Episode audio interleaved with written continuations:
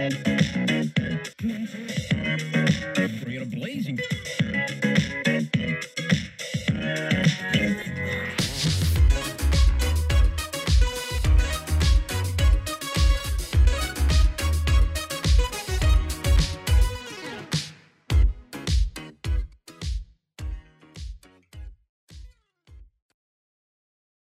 everybody, welcome to Church at Home. And uh, boy, we're just taking it to another level.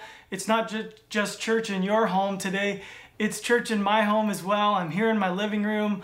I'm quarantined after returning from Mexico. So I'm here doing my 14 days of quarantine. And boy, I mean, this series is called Unexpected, and none of us could have seen what we're experiencing coming. This was all so unexpected. In fact, it's funny, I got a text this week and someone asked me, Could your next series be expected? Nothing ever happens out of the ordinary. And I got a, a kick out of that. But, but the reality is, for all of us, we're trying to figure out what life is like in the middle of a crisis. We're experiencing that crisis, and it is crazy. It's amazing what all of us have had to endure. The crisis came lightning fast. Um, Lisa and I, you know, planned to go away with the little girls to Mexico, and uh, we left a week ago Wednesday, and everything was fine. There was talk about COVID, but it was far away, and hey, be careful, and we'll watch out, and so on.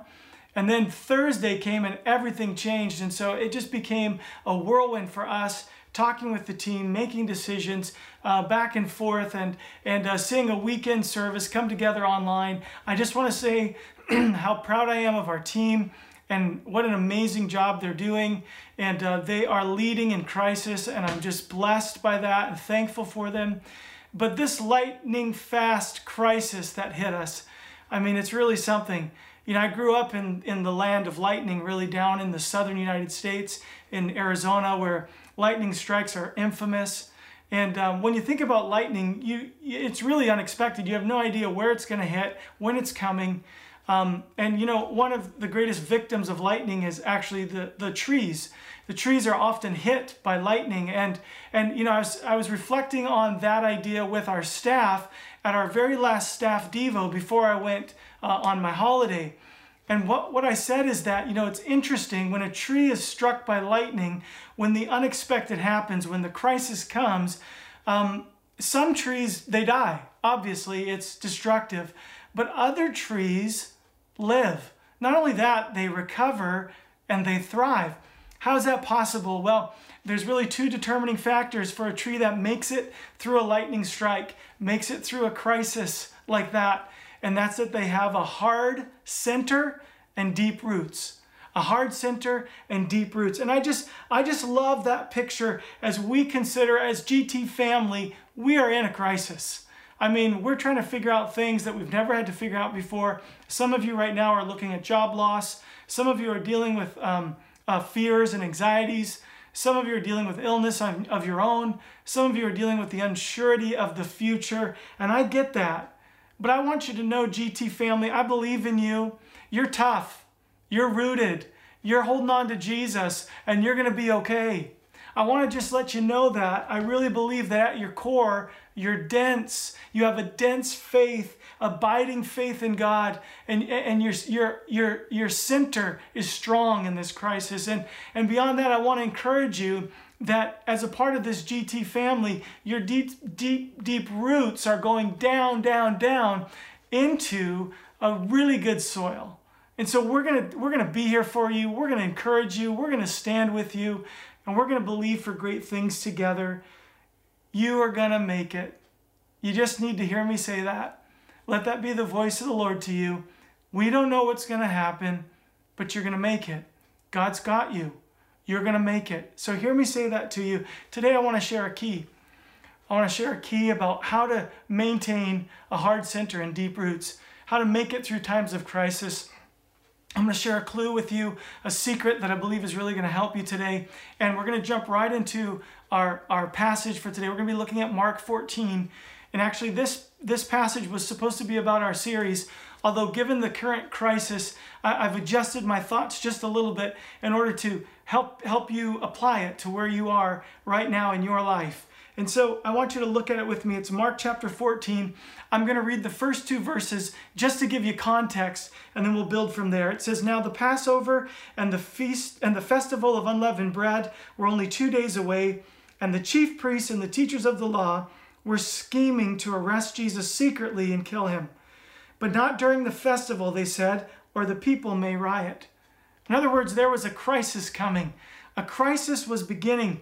And you know what? Even during this season, in just a few verses beyond what we're going to read today, Jesus is arrested. He's falsely accused. He's crucified. The crisis really does materialize. But on the edge of this crisis, Jesus finds himself in the town of Bethany, just outside of Jerusalem. And we're going to pick up our story in verse 3, where we begin to see the key to surviving through crisis times. It says, While he was in Bethany, reclining at the table in the home of Simon the leper, a woman came with an alabaster jar of very expensive perfume made of pure nard. She broke the jar and poured the perfume on his head. So, this is kind of a, a, a crazy shift in the storyline. Jesus is reclining at the table, and this woman walks in, and she does something absolutely extravagant right in the middle of all of this. It happened you know, before we had seen this idea of Jesus being anointed with expensive perfumes. But before, when you look at that in other places, you'll discover that it's poured on his feet, it's accompanied with tears, there's a washing of feet with hair. That, that is an act of repentance, of saying, Jesus, forgive me. This is different. This looks totally different. This was breaking the vessel over his head, allowing the oil to pour out like anointing on a king. It was a, it was a place of honor, a sign of great distinguished honor. This was not an act of repentance, but an act of worship. This was a moment of worship. And in this, friends, we see the key, one of the most significant keys to getting through times of crisis, and that is to be a worshiper. If you become a worshiper, you begin to pick up the possibilities of all that belong to you in Christ as you elevate Him and you can walk through difficulty. You see, in our story, we really find two responses to this extravagant worship. Obviously, the woman believed it was worth every penny of pouring this out on Jesus. Jesus agreed with her, but there were others that had a different perspective, and their perspective was more like this is this the right priority in the middle of this situation? And here's how it, how it um, plays out in the scriptures. Read with me, verse 4 and 5.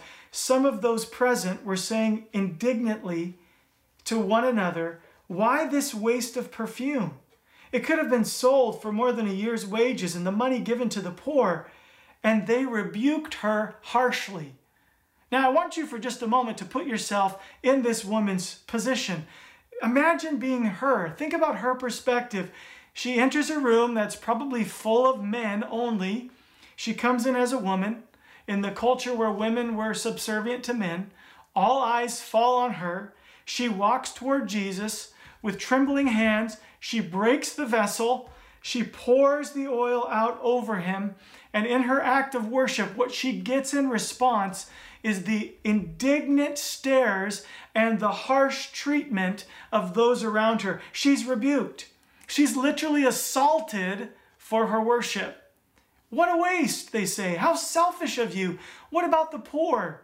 The reason why there's a mention of the poor here is, is because during Passover, which is the time that we're in right here in this storyline, during Passover, it was customary to give gifts to the poor.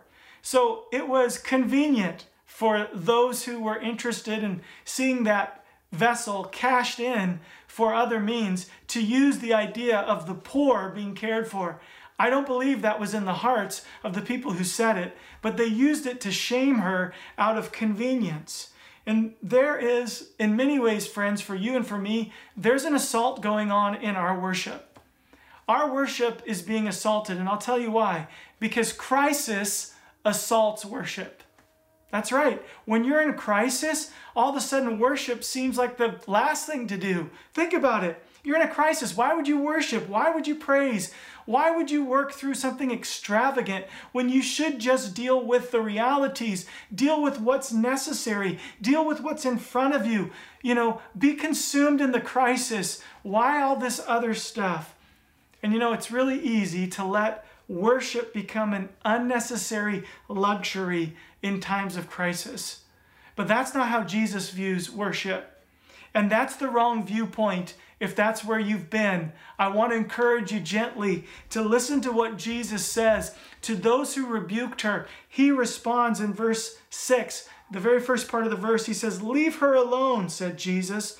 Why are you bothering her? And so he rallies to her side. He comes to her defense. And, and that's really the key, friends. Crisis assaults worship, but Jesus defends it and applauds it. Yes, Jesus is going to applaud and defend you when you worship. And that's exactly what we see here. Why is that? Why is it that Jesus would applaud and defend worship in the middle of a crisis? Well, the first reason is this because of what worship does in us. Did you know worship does something powerful in you? Did you know that?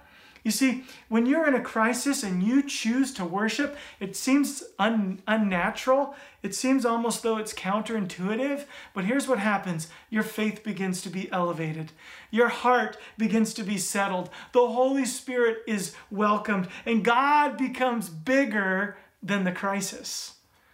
And so worship is powerful, and Jesus applauds and defends it because of what worship does in us.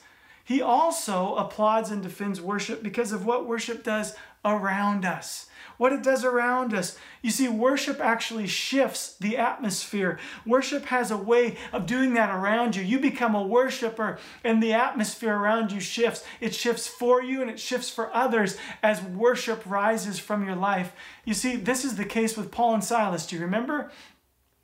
They were beaten and thrown into the inner cell of the prison because they were preaching the gospel and people got upset about it. And so, what ended up happening with them? Oh, in the middle of the night, bleeding and broken. Probably the last thing they felt like doing was singing, but they did it. They worshiped.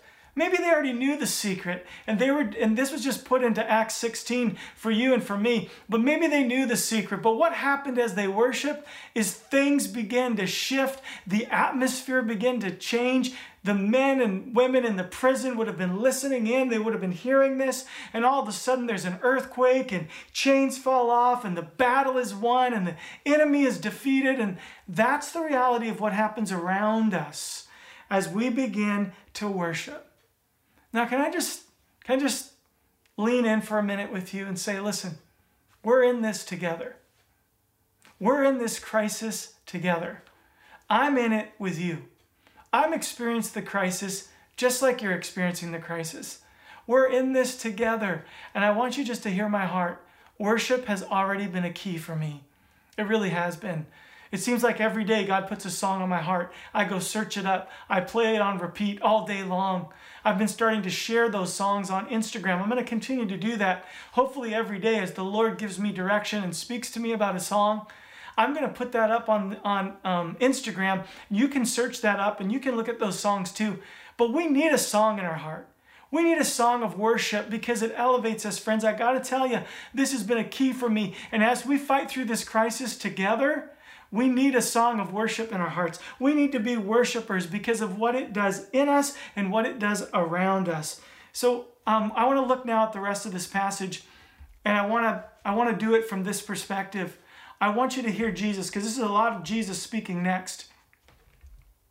And what I want you to hear is what Jesus says to worshipers. Because Jesus now begins to speak, and as he speaks, he begins to direct and lead. I want him to direct and lead your life. As you hear these little encounters, these little pieces that, um, that, that play out between Jesus and those who are there, and Jesus and the woman herself, I want you to see how Jesus, how Jesus speaks to worshipers. Here's the first thing. Here's what Jesus says to worshipers When you worship, you bless me. That's what Jesus says. When you worship, you bless me. In fact, here's how he says it to her. After he says, Leave her alone, why are you bothering her? The verse continues and it says this She has done a beautiful thing to me. Yes, it's a beautiful act. When worship comes, it's a beautiful act. Why? Well, one, because we were created for it. So it fits us. It looks beautiful on us. It looks elegant on us. It looks it it looks like it fits right. It creates it creates um, something that's appealing and beautiful before God when we worship. You see, worship is never something that we're forced into. It's a choice we make. It's a decision we make, and God loves that. And you know what? In the middle of your crisis, in the when you when you're feeling the need, when you're feeling the pain, when you're walking through the fear, let me just tell you, let me help you understand. When you're walking through this, this is such a sweet worship to Jesus. I mean, the fragrance of that worship is so precious to Jesus when you worship Him through the crisis. And so Jesus says, Come on, when you worship, you bless me.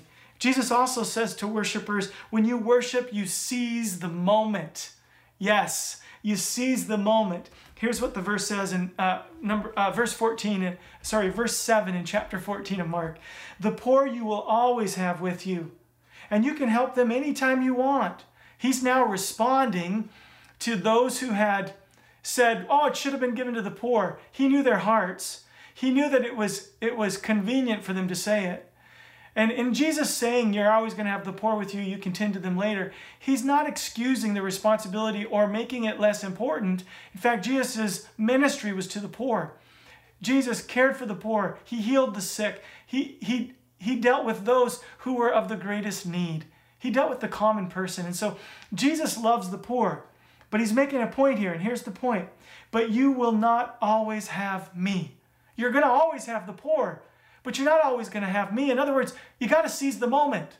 You understand when you worship, you seize the moment. You see, none of us like where we are today. None of us where we find ourselves. This isn't where we wanted to be. This is nobody's ideal world. But we won't get this time back. We won't. When this time is over, it's over. But we have it right now. Let's seize it. Let's seize the moment. When you become a worshiper, you seize the moment. And this woman knew that Jesus wasn't going to be in Bethany forever. And she seized the moment. She poured out her beautiful gift of worship over him. Listen, I just want to speak to you for a minute. When you worship, you are seizing the moment you have. Worship, worship, worship, because that's how you're going to seize the moment. You know what I've seen? As I worship, the Holy Spirit comes. When the Holy Spirit comes, creativity flows. When I write my sermons, I put worship music on. Why? Because I need the creativity of the Holy Spirit. Can I tell you, man, let me just ask you, couldn't you agree with me that right now in this crisis season, we need the creativity of the Holy Spirit to know what to do? Not only that, to know how to survive, but to thrive. God has a way forward, and worshipers are going to seize the moments. So let's be worshipers so that we can we can lean into all that God has for us. That's what Jesus says to worshipers. And, and, and Jesus also says to worshipers, when you worship, you invest in your faith. You see, Jesus continues as he's speaking about this woman. He says, She did what she could. She poured perfume on my body beforehand to prepare for my burial. You see, Jesus is now beginning to applaud her efforts and her heart. And this is what happens when we begin to worship. We start investing. We start investing in our faith. She did what she could, the Bible says. And you know what? The question I'm wrestling with now, and I want you to wrestle with too, is is that going to be said of us? In the middle of our crisis, can I just encourage your faith a little bit? Can I pull out that, that, that, um, that fighting spirit in you, that faith filled part of you? Can I pull it out and say, I want it to be said of us? Is it going to be said of us? Are we going to rise up as worshipers? Is it going to be said of us that we did what we could? I want that to be said of you. She did what she could. He did what she could. They didn't shrink back. They didn't, they didn't fall into fear. They didn't give up in the face of the obstacles. They didn't fall into despair. They did what they could. Listen, I want to encourage you to worship, to take your most expensive praise and pour it out on the head of Jesus. Let's do what we can. Let's do what we can in the middle of this crisis. And I really believe that as we do what we can, what we're going to begin to see is Jesus reveal what's next, what we're supposed to do next. Worship is such a key, friends. Worship is a key for us making it through times of crisis. I want it to be said of us this is our time. And so, as an act of worship, let's see and let's invest in our faith. And finally, the last thought I want to give you from this passage about what Jesus says to worshipers is this when you worship, there's a great reward. When you worship, there's a great reward. Can I just tell you the truth? This crisis will end. I don't know when. I don't know how long we're going to be here. But at some point, we'll look back and we'll say, man, remember COVID 19? That was crazy. But this will end, I promise you. And when it's over, what do you want to be said about you? And what do you want to be said about GT Church? What do you want to be said about those things? Here's what Jesus said about this woman. The next verse says this Truly I tell you, wherever the gospel is preached throughout the world, what she has done will also be told in memory of her. Mark uh, 14 9, that's an incredible verse. You're going to want to remember it. In my Bible, I've written right, right underneath that verse, wow, with an exclamation point. Why? Because this is mind blowing. This is reward right here. I mean, there's a reward in worship. Her worship is forever linked to the gospel, the good news of Jesus. Forever, wherever the gospel is, is preached, what she did will be told alongside of it. That is powerful. And so this question continues to linger. Is it possible, friends? Is it possible that the acts of the church of Jesus Christ in this crisis would be remembered alongside the gospel for so many lives? Is it possible that in this season, this becomes the church's finest hour? The church is literally reborn, and the story that's told of the gospel reaching people through the COVID crisis, the church, you, me, GT is right in the middle of it. I really believe it. I believe it's possible. What a reward. What a reward that would be to experience revival like that, to experience a move of God like that. And so let's go after it. Let's go after the reward while the crisis is still raging. Let's go after it. I'm going to serve my neighbors and my friends. I'm going to encourage others that need encouragement. I'm going to worship through the crisis. Now, I want to move into a time of prayer with you and I want to thank you for listening in and letting me share this word with you. And I, I pray it's an encouragement to you. It's a unique season. And, and we just we just need our souls to be fed. And, and I want you to know that the key right now for you and for me is to take God's word and turn it into worship. To turn it into worship in our lives. Some of you are carrying fears. You're full of anxiety. Some of you are just in shock. Others of you are dealing with loss loss of life, loss of health. Some of you are just feeling the worry and the uncertainty. But can I ask you to do something with that? Can I ask you to worship Jesus through it? Can I ask you just to press right through it and say, Lord, in the midst of all of these things, in the midst of this crisis, I'm going to worship you. I'm going to elevate my thinking and my heart because my God is good and his love is greater and he's capable and he's able. And I'm going to pour out that expensive perfume on the head of Jesus, my Savior. I'm going to worship him. And you know what you're going to see? You're going to see him applaud and defend you in this time. And he's also going to equip you for ministry to those around you. Just begin to worship. Will you let me pray with you? Let's bow our heads together right now. I'm just going to extend my hand toward you, and I'm believing supernaturally that God is going to reach right across the computer screen, the, the um, phone, the iPad, the TV that you're watching on, and He's going to minister to you. Let me pray for you. Father in heaven, I thank you Oh God, I thank you for the work of your Spirit. I thank you that you do not know time and distance, that you are not limited by where I am right now and where the person listening is right now. You see us all at one glance, and you link together our faith as we pray. And so, in Jesus' name, we pray against the paralysis of fear. We pray against, Lord Jesus, just um, uh, falling in to the crisis. But we pray in Jesus' name that we would be given great faith to be great worshipers of you in the middle of this trial. Lord, would you elevate our belief in a God who's greater than our circumstances? Would you allow us to step way beyond where we currently are and into a heavenly place in the presence of Jesus where there is fullness of joy and strength and satisfaction? Lord God, we commit together to being worshipers, and we believe it's going to be a key for victory, God.